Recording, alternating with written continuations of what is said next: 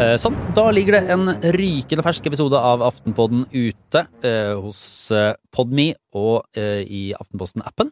Eh, Der har vi, dette gode lille panelet, akkurat snakka oss gjennom litt av ståa i verden. Det, ikke, det er ikke smått. Jonas Gahr Støre har svart på din hva skal jeg si, ditt bat-signal, Kjetil, og, og trådt ut av skyggene med sitt diplomati. Absolutt. En ganske alvorlig tale med tydelig budskap, med, der han avslutter med 'vi lar oss ikke skremme'.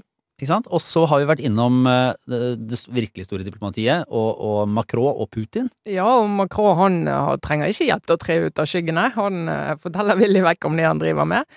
Og vi har jo fortsatt i utlandet. Vi har snakket om salat Ja, i Eh, Storbritannia. Holdbarheten på salat. Holdbarheten på salaten slash statsministeren i Storbritannia. Hvem varer lengst? Det er det store spørsmålet der borte. Det går ikke spesielt bra. Men vi har, eh, nei, vi har vært innom eh, litt av hvert denne utgaven, så, så, Så snakker vi om våre nye frenemies. Det gjør vi. Vi kommer med uventet ros. Til våre nye frenemies i venstresidas podkast.